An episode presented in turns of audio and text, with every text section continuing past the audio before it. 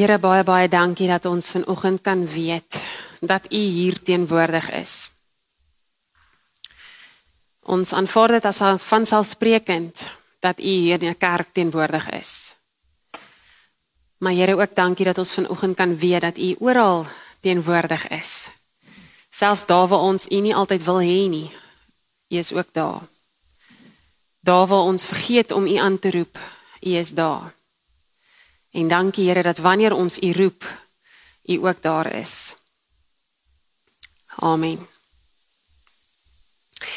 Nou vandag is hervormingsfees.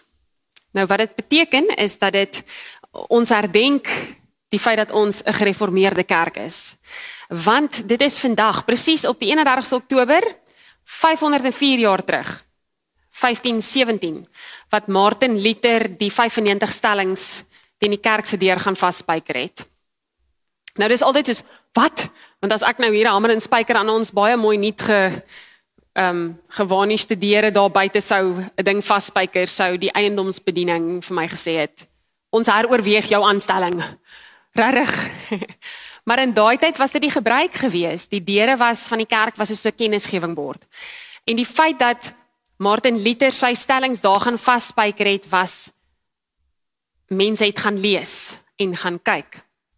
Maar nou in hierdie tyd, presies 500 jaar terug, so 4 jaar nadat hy sy stellings daar in die kerk se deur gaan vasspyker het, het die Rooms-Katolieke Kerk 'n verhoor gehad. En is hy vervolg en is Martin Luther uit die kerk, uit die Rooms-Katolieke Kerk uitverban. Nou wie van julle ken so iets van Martin Luther buiten dit wat ek nou vir julle gesê het? Weet julle daarom het julle al sy naam gehoor? Nee. Ja, ons het daarom al van Martin Luther en dis nou nie Martin Luther King die I had a dream pastoor nie. Hier is nou Martin Luther, die Rooms-Katolieke priester van die middeleeue. Nou kom ek gee sommer net so vir julle kort agtergrond oor Martin Luther want dis dit is belangrik vir vanoggend se diens. Martin Luther het op 2 Julie 1505, ek het baie mooi my geskiedenis gaan oplees. Ek ken dit nie uit my kop uit nie. Ek is nie so goed met geskiedenis nie. Maar die 2 Julie 15 amper sê ek 2005, ek sê nee nee nee, 1505 het Martin Luther gereis en hy het ver gestap en daar 'n verskriklike storm opgesteek. En hy het verskriklik bang geword want daar toe weerlig baie naby aan hom geslaan. En nou, julle weet die Rooms-Katolieke bid nie direk tot God nie, hulle bid via 'n saint. So hy bid toe via Saint Anna en sê liewe Saint Anna, as my lewe gespaar word, sal ek 'n monnik word. Nou 'n monnik is soos 'n non. Hulle wy hulle lewe aan die kerk en hulle bly by die kerk en alles wat hulle doen is by die kerk. Hulle leef, alles gebeur daar. En sy lewe is toe gespaar en hy word toe 'n monnik en 2 jaar later toe word hy 'n priester. Toe het hy verder geleer en hy word toe 'n Rooms-Katolieke priester. En is eers toe hy 'n priester geword het wat hy toe begin het om die Bybel te lees. Want in daai tyd was die Bybel net beskikbaar in Grieks, Hebreëus en Latyns. So dit was net die priesters en die kerkmense, die die groot koppe in die kerk wat kon Bybel lees. Die alledaagse mens wat nie 'n priester is nie, wat nie 'n monnik is nie, kan nie die Bybel lees nie want dit is 'n Duits Hulle was Duits gewees, Martin Luther was Duits, maar hy het toe nou geleer hoe om die Bybel te lees of hy het die taal aangeleer dat hy kon die Bybel in Latyns lees. En hoe meer hy gelees het, hoe meer het hy besef dat hierdie goeders wat die Rooms-Katolieke priesters vir mense sê die waarheid is en die reëls is, hoe meer het hy besef maar dis nie wat hy in die Bybel lees nie.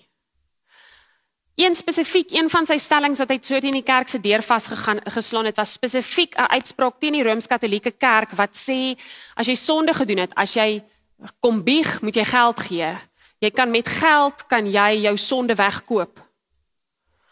So in effek was dit hoe ryker jy is, hoe veiliger is jy want nou kan jy maar doen net wat jy wil want jy het genoeg geld om te betaal en hoe armer jy is, hoe erger is dit as jy sonde gedoen het en jy het nie geld om te gee nie, dan word jy kort diskant uit die kerk uitgejaag.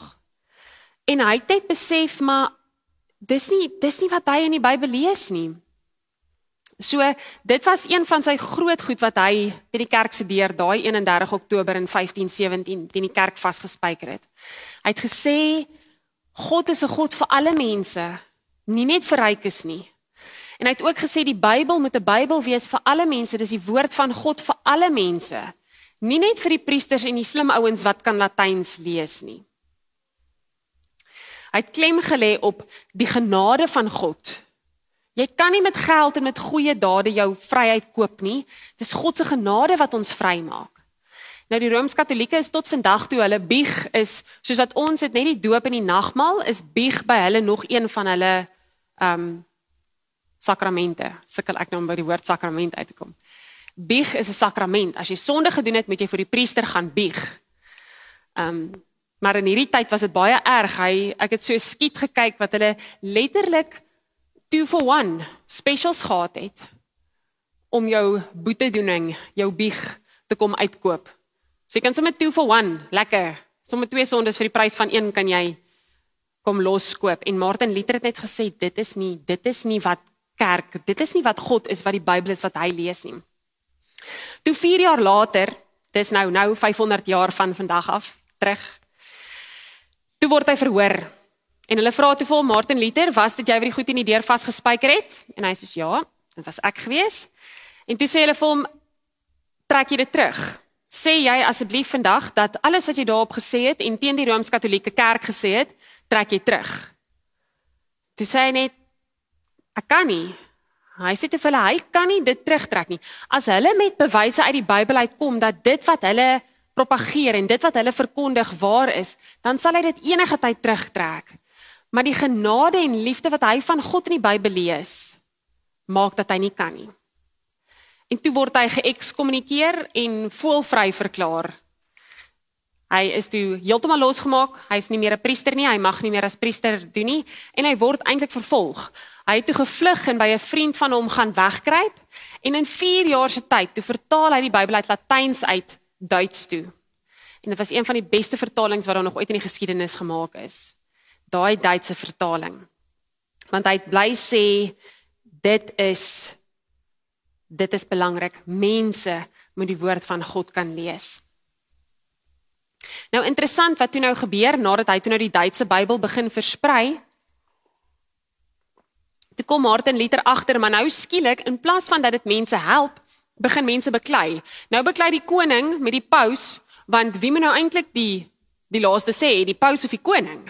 En die mense het begin om sy woorde wat hy in Duits vertaal het, te gebruik om mekaar aan te val. En wat toe gebeur is die volgende. Julle sal nou sien daarso is Christianity, die swart streepie, toe dit baie vroeg in die ortodokse en die Middle um Middle Eastern Christianity het afgebreek. Ons is nou op die rooi lyn, dis die Rooms-Katolieke lyn. Ons is nou daarso. Wat toe gebeur? Luther se se dryf was om sy kerk waarvoor hy lief was te verander. En hulle manier van dink en doen te verander. Maar in plaas van dat dit gebeur, gebeur wat mense nou ook deesdae sien, toe skeer die kerk. Toe kry jy nou die protestantse lyn wat gevorm het. O oh, nee, verkeerde knoppie, daai nê. Toe kry jy die protestantse lyn wat gevorm het en daarso uit het daai gekom. Maar ons is deel van die protestantse beweging. Obviously want ons is nie rooms-katoliek nie. Maar dit is 'n ding wat vir Martin Luther baie seer gemaak het. Is dat die kerk toe geskei het in plaas van dat die kerk besef het waarmee hulle besig is en dat hulle net hulle net anders begin dink en anders begin leef oor dit.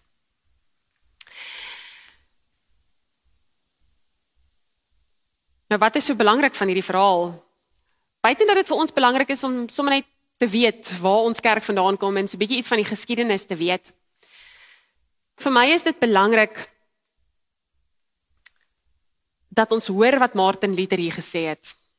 Hy het gesê God is 'n God vir alle mense. God se woord, die Bybel, is die woord vir alle mense. Nie net vir ryk mense of slim mense nie, nie net vir spesifieke groepe nie. Dis 'n God vir alle mense. En dit lees ek 'n slag Lukas 24 en julle kan julle Bybels daar oopmaak. Lukas 24 vers 13 tot 35 raak. Dit is nou die gedeelte waar um Jesus is nou opgewek uit die dood uit en hy's op pad en toe loop hy saam met die twee Emmausgangers is die teks se naam. So Jesus is opgewek uit die dood en dan nou gebeur hierdie gedeelte. So Lukas 24, ons gaan lees vanaf vers 13.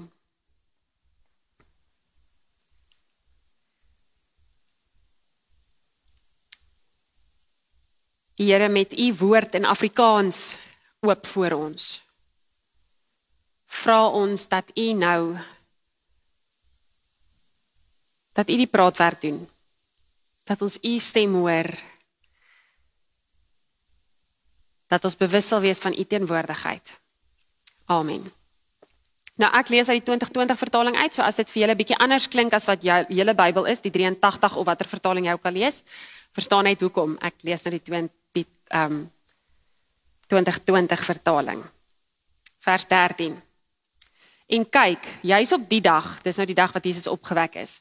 Was twee van hulle, dis twee van die disippels, op pad na 'n dorp met die naam Emmaus. 60 stadion, kom ons sê net gou-gou 60 stadion is ongeveer 11 km. Ehm um, van Jerusalem af. Hulle het met mekaar gepraat oor al hierdie dinge wat gebeur het. En terwyl hulle so praat en bespiegel, kom Jesus self nader en loop saam met hulle. Maar hulle oë is verhinder om hom te herken. Uh, net gou ek val ek myself in die rede. Hulle oë is verhinder om hom te herken. Nou uh, baie daar's baie mense wat bespiegel oor hoekom het hulle hom nie herken nie, maar as jy nou net iemand aan die dood afgestaan het en jou laaste beeld van Jesus was hierdie man wat doringkroon bebloed geslaan op 'n kruis is En daai so 3 dae later loop jy en hier kom stap 'n man saam met jou wat nie daai wonde wys behalwe die gat in sy hande nie. Ek dink een van ons sou dadelik soos ek kan verstaan dat hulle nie gedink het, "O, dis Jesus. Haai, Jesus, wat soek jy hier nie?" Hulle het dan nou net 3 dae terug gesien hoe hy sterf. So, okay, sien my self in die rede geval. Vers 17. Hy sê toe vir hulle, "Waaroor loop julle so met mekaar en redeneer?" Hulle het gaan staan. Hulle gesigte somber want onthou nou hulle het vir Jesus aan die dood afstaan, so hulle is hartseer.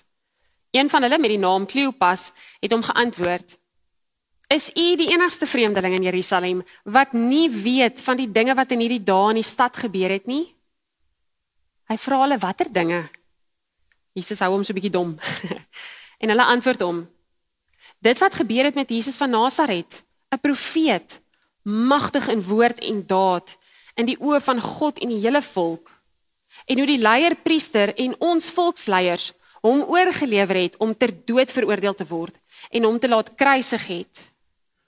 Ons het bly hoop dat dit hy is wat Israel gaan verlos. Maar intussen is dit nou al die derde dag vandat dit gebeur het. Sommige vroue uit ons geleerdere het ons boonop ontstel. Hulle was vanoggend vroeg by die graf en toe hulle sy liggaam nie vind nie, het hulle kom vertel dat hulle visioen gesien het van engele wat sê dat hy leef paar van ons het na die graf gegaan en dit net so aangetref soos die vroue gesê het. Maar hom het hulle nie gesien nie. Toe sê hy vir hulle: O, julle wat sonder begrip is, met harte wat traag is om alles te glo wat die profete gesê het. Moes die Christus nie hierdie dinge ly en in sy heerlikheid ingaan nie? Hierna het hy begin om al die skrifte oor hom van Moses en die profete vir hulle uit te lê. Toe hulle nader kom aan die dorpie waarheen hulle op pad was, het Jesus voorgegee dat hy verder wil, wil reis. Maar hulle het sterk by hom aangedring: "Bly by ons, want dit is amper aand en die dag is reeds verby." Hy het toe ingedraai om by hulle oor te bly. Terwyl hy saam met hulle vir ete aangeleen het, het hy brood geneem, die seëngebed uitgespreek, dit gebreek en vir hulle gegee. Toe is hulle oë geopen en hulle het hom herken. Hy het agter uit hulle sig verdwyn en hulle het vir mekaar gesê: Was ons harte nie brandend in ons toe hy met ons langs die pad gepraat en die skrifte vir ons uitgelê het nie? Hulle het onmiddellik opgestaan en na Jerusalem toe teruggekeer waar hulle die 11 en die ander saam met hulle bymekaar gevind het en hulle het gesê die Here is werklik uit die dood opgewek en het aan Simon verskyn. Hulle verduidelik toe wat op die pad gebeur het en hoe hy met die breek van die brood aan hulle bekend geword het. Net tot sover. Net gou-gou 'n voetnota, as daar iets is in die teks wat ek in die 2020 vertaling gelees het wat vir jou vreemd is, kom vra my na die tyd dan verduidelik ek vir julle hoekom dit vreemd is. Nou wat het hierdie teks met liter te doen? En wat wat op aarde het dit met ons te doen vandag? Hier sit ons met twee mans wat nie deel van die oorspronklike 12 disippels was nie, maar wat deel van Jesus se disippels was. Wat getuies was van wat Jesus verkondig het, wat hy gesê het. En hier stap Jesus langs hulle en hulle twyfel, hulle is ongelowig. Hulle glo nie dat hy Jesus is nie. Hulle sê hulle het hierdie hoop gehad dat hy die redding gaan bring en toe was dit nie so nie. So ten spyte van persone se ongeloof in Jesus. Ook selfs die feit dat hulle nie eers vir Jesus erken het nie. Niks van dit het gemaak dat Jesus sy rug op hulle gedraai het nie. Ek wonder nogals as ek Jesus was of ek nie dalk sou begin saam stap het en as ek besef hierdie mense ken my nie eers nie, soos hoekom mors ek my tyd met hulle? Ek gaan eerder iemand soek wat my wel herken. Maar Jesus het nie. Hy het aangehou om saam met hulle te stap. Hy het aangehou ten spyte hulle van hulle ongeloof, ten spyte daarvan dat hulle hom nie erken het nie. En dieselfde met Liter. Liter was daar op daai pad gewees en hy het uit totale vrees uit uit vrees uit het hy aangeroep en gesê red tog net my lewe dan sal ek 'n monnik word. En ons weet hoeveel keer daar in die Bybel staan moenie vrees nie, moenie bang wees nie, moenie uit vrees uit goed doen nie. En nog steeds het God sy lewe op daai pad gespaar. Nou ons sê maklik, God is oral. Maar glo ons dit? Glo ons dat God oral in ons lewens teenwoordig is? Glo ons regtig dat God nie net die God van 'n Sondagoggend erediens is nie? Dat God nie net die God is waar daar 'n klomp gelowiges bymekaar kom nie? Glo ons regtig dat God die God is van alle mense en nie net 'n spesifieke taal of kultuurgroep nie? Glo ons regtig dat God die God is van die Rooms-Katolieke Kerk? Die God is van die Protestante? Glo ons dat God my en jou God altyd is? Wat vir my mooi is van hierdie twee verhale is dat daar 'n pad betrokke is. 'n Pad waarop mense geloop het. Dis 'n fisiese pad gewees in al twee hierdie verhale. Maar net soos elkeen van ons op 'n pad besig om te loop. Nou nie nou fisies nie want jy sit en ek staan, maar ons is op pad iewers heen. Ons is op pad en ons het goeders wat in ons lewe gebeur en soms twyfel ons ook. Soms loop ons ook op hierdie pad en is ons bang. Soms loop ons op hierdie pad en dan erken ons ook nie eers vir God nie of ons misken hom. Elkeen van ons is op 'n unieke pad. En vir elkeen van ons kom God en hy kom ontmoet jou op jou pad. Hy ontmoet nie vir jou op Piet of Saartjie se pad nie. Hy ontmoet jou op jou pad. En hy ontmoet ons of ons nou twyfel of ons hom nie herken nie of dit in vrees is of jy deur Sint Anna bid. Hy ontmoet jou op jou pad. Die Here gaan nie homself aan my openbaar op dieselfde manier as wat hy hom aan Anja of aan Tannie Rita of aan Deje gaan openbaar nie. Hy gaan nie, want ons is almal op verskillende paaie besig. Dit help nie as ek besig is in my eindeksamen van skool dat God homself in die natuur aan my openbaar as ek heeltyd voor my boeke sit nie. Hoor jy wat ek sê? God gaan soek jou op die pad waar jy is en hy gaan ontmoet jou daar. Dit help nie God openbaar hom aan deë in 'n metafoor van draf of hardloop nie, want my man hardloop nie en draf nie, hy's nie lief daarvoor nie. Maar dit maak sin dat God hom aan my openbaar in draf metafore en in hardloop. Want God ken my, hy weet op watter pad ek is. God ken vir die, hy weet op watter pad hy is. God weet waarmee jy besig is. God is nie net op 'n Sondagoggend hier in die kerk op jou pad toevallig nie. Dis nie die enigste tyd van die week wat jy God gaan raakloop is hier in die kerk nie. Natuurlik loop ons hom hier ook raak. Natuurlik is hy hier ook. Maar hy is daar waar jy in die week ook is op jou lewenspad. Waar daar dalk donder weer raas en weerligstrale naby jou raak slaan. Waar jy dalk die dood van 'n vriend gesien het of 'n ander geliefde. Waar jy dalk seer het, waar jy dalk moeg is. God kom kry jou daar.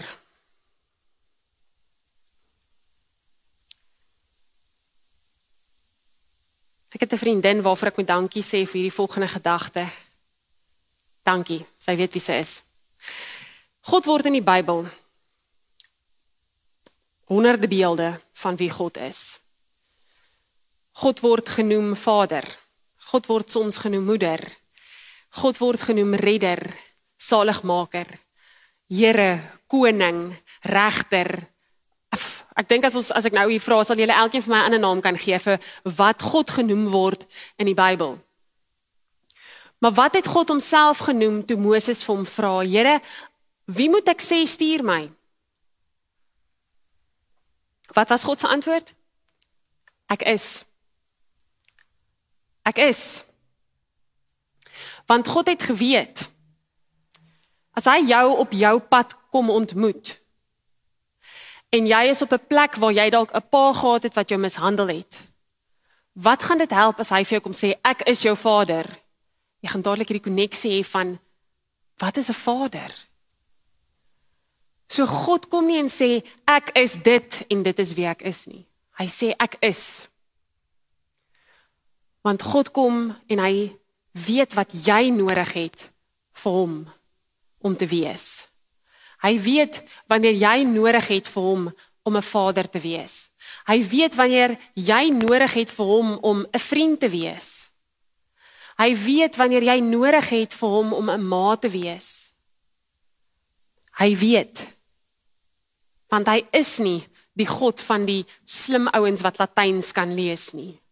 Hy is nie net die God van die ouens wat voor is in die kerk nie. Hy is 'n God vir almal. Daarom is hy net ek is. Hy was vir liter 'n God van genade en liefde wat hom op 'n pad ontmoet het waar weerlig hom amper doodgeslaan het. Hy was op die ou einde vir die Emmaus gangers dit wat hulle gehoop het hy gaan wees. Hy het hulle in hulle twyfel en in hulle ongeloof gesê word net bietjie wakker. So hy was so bietjie hardhandig met hulle. Hy het so bietjie regtig kan julle so dom wees? Het julle nie geglo wat hierdie man oor homself gesê het nie? En dan laat hy tog hulle oë oopgaan dat hulle hom herken. So vir hulle ook is hy 'n redder. Is hy genadig? Is hy liefde? So ek weet nie wie God vir jou vanoggend moet wees nie. Maar weet, maak nie saak op watter pad jy is nie. God is daar. En dit is belangrik om te weet, God vat ons nie en forceer ons op 'n pad nie. God vat nie my aan my hand en sê Nadia, nou sleep ek jou in hierdie pad waarin jy loop nie. Soms doen hy. Soms doen hy. Soms maak hy dat jy kan nie 'n ander pad loop as hy slaan vir jou teen jou kop en sê hier is dit nou. Maar die meeste van die tyd is God soos Jesus in die Emmaus gangers. Stap hy saam met ons. Luister hy na ons harte. Want Jesus het geluister na daai mans. Al was hulle besig om eintlik klomp chol te praat. Omdat hulle ongelowig was, het Jesus na hulle geluister. Hy stap saam met ons. Hy luister vir ons. Hy is 'n God wat ons liefhet. Hy is genadig. So ook is die Bybel 'n boek oor mense vir mense. Die Bybel vertel vir ons die storie van mense wat met God op pad was. Vir ons wat mense is wat met God op pad is. Kom ons bid dat ons oë sal oopgaan dat ons hom sal herken. Amen.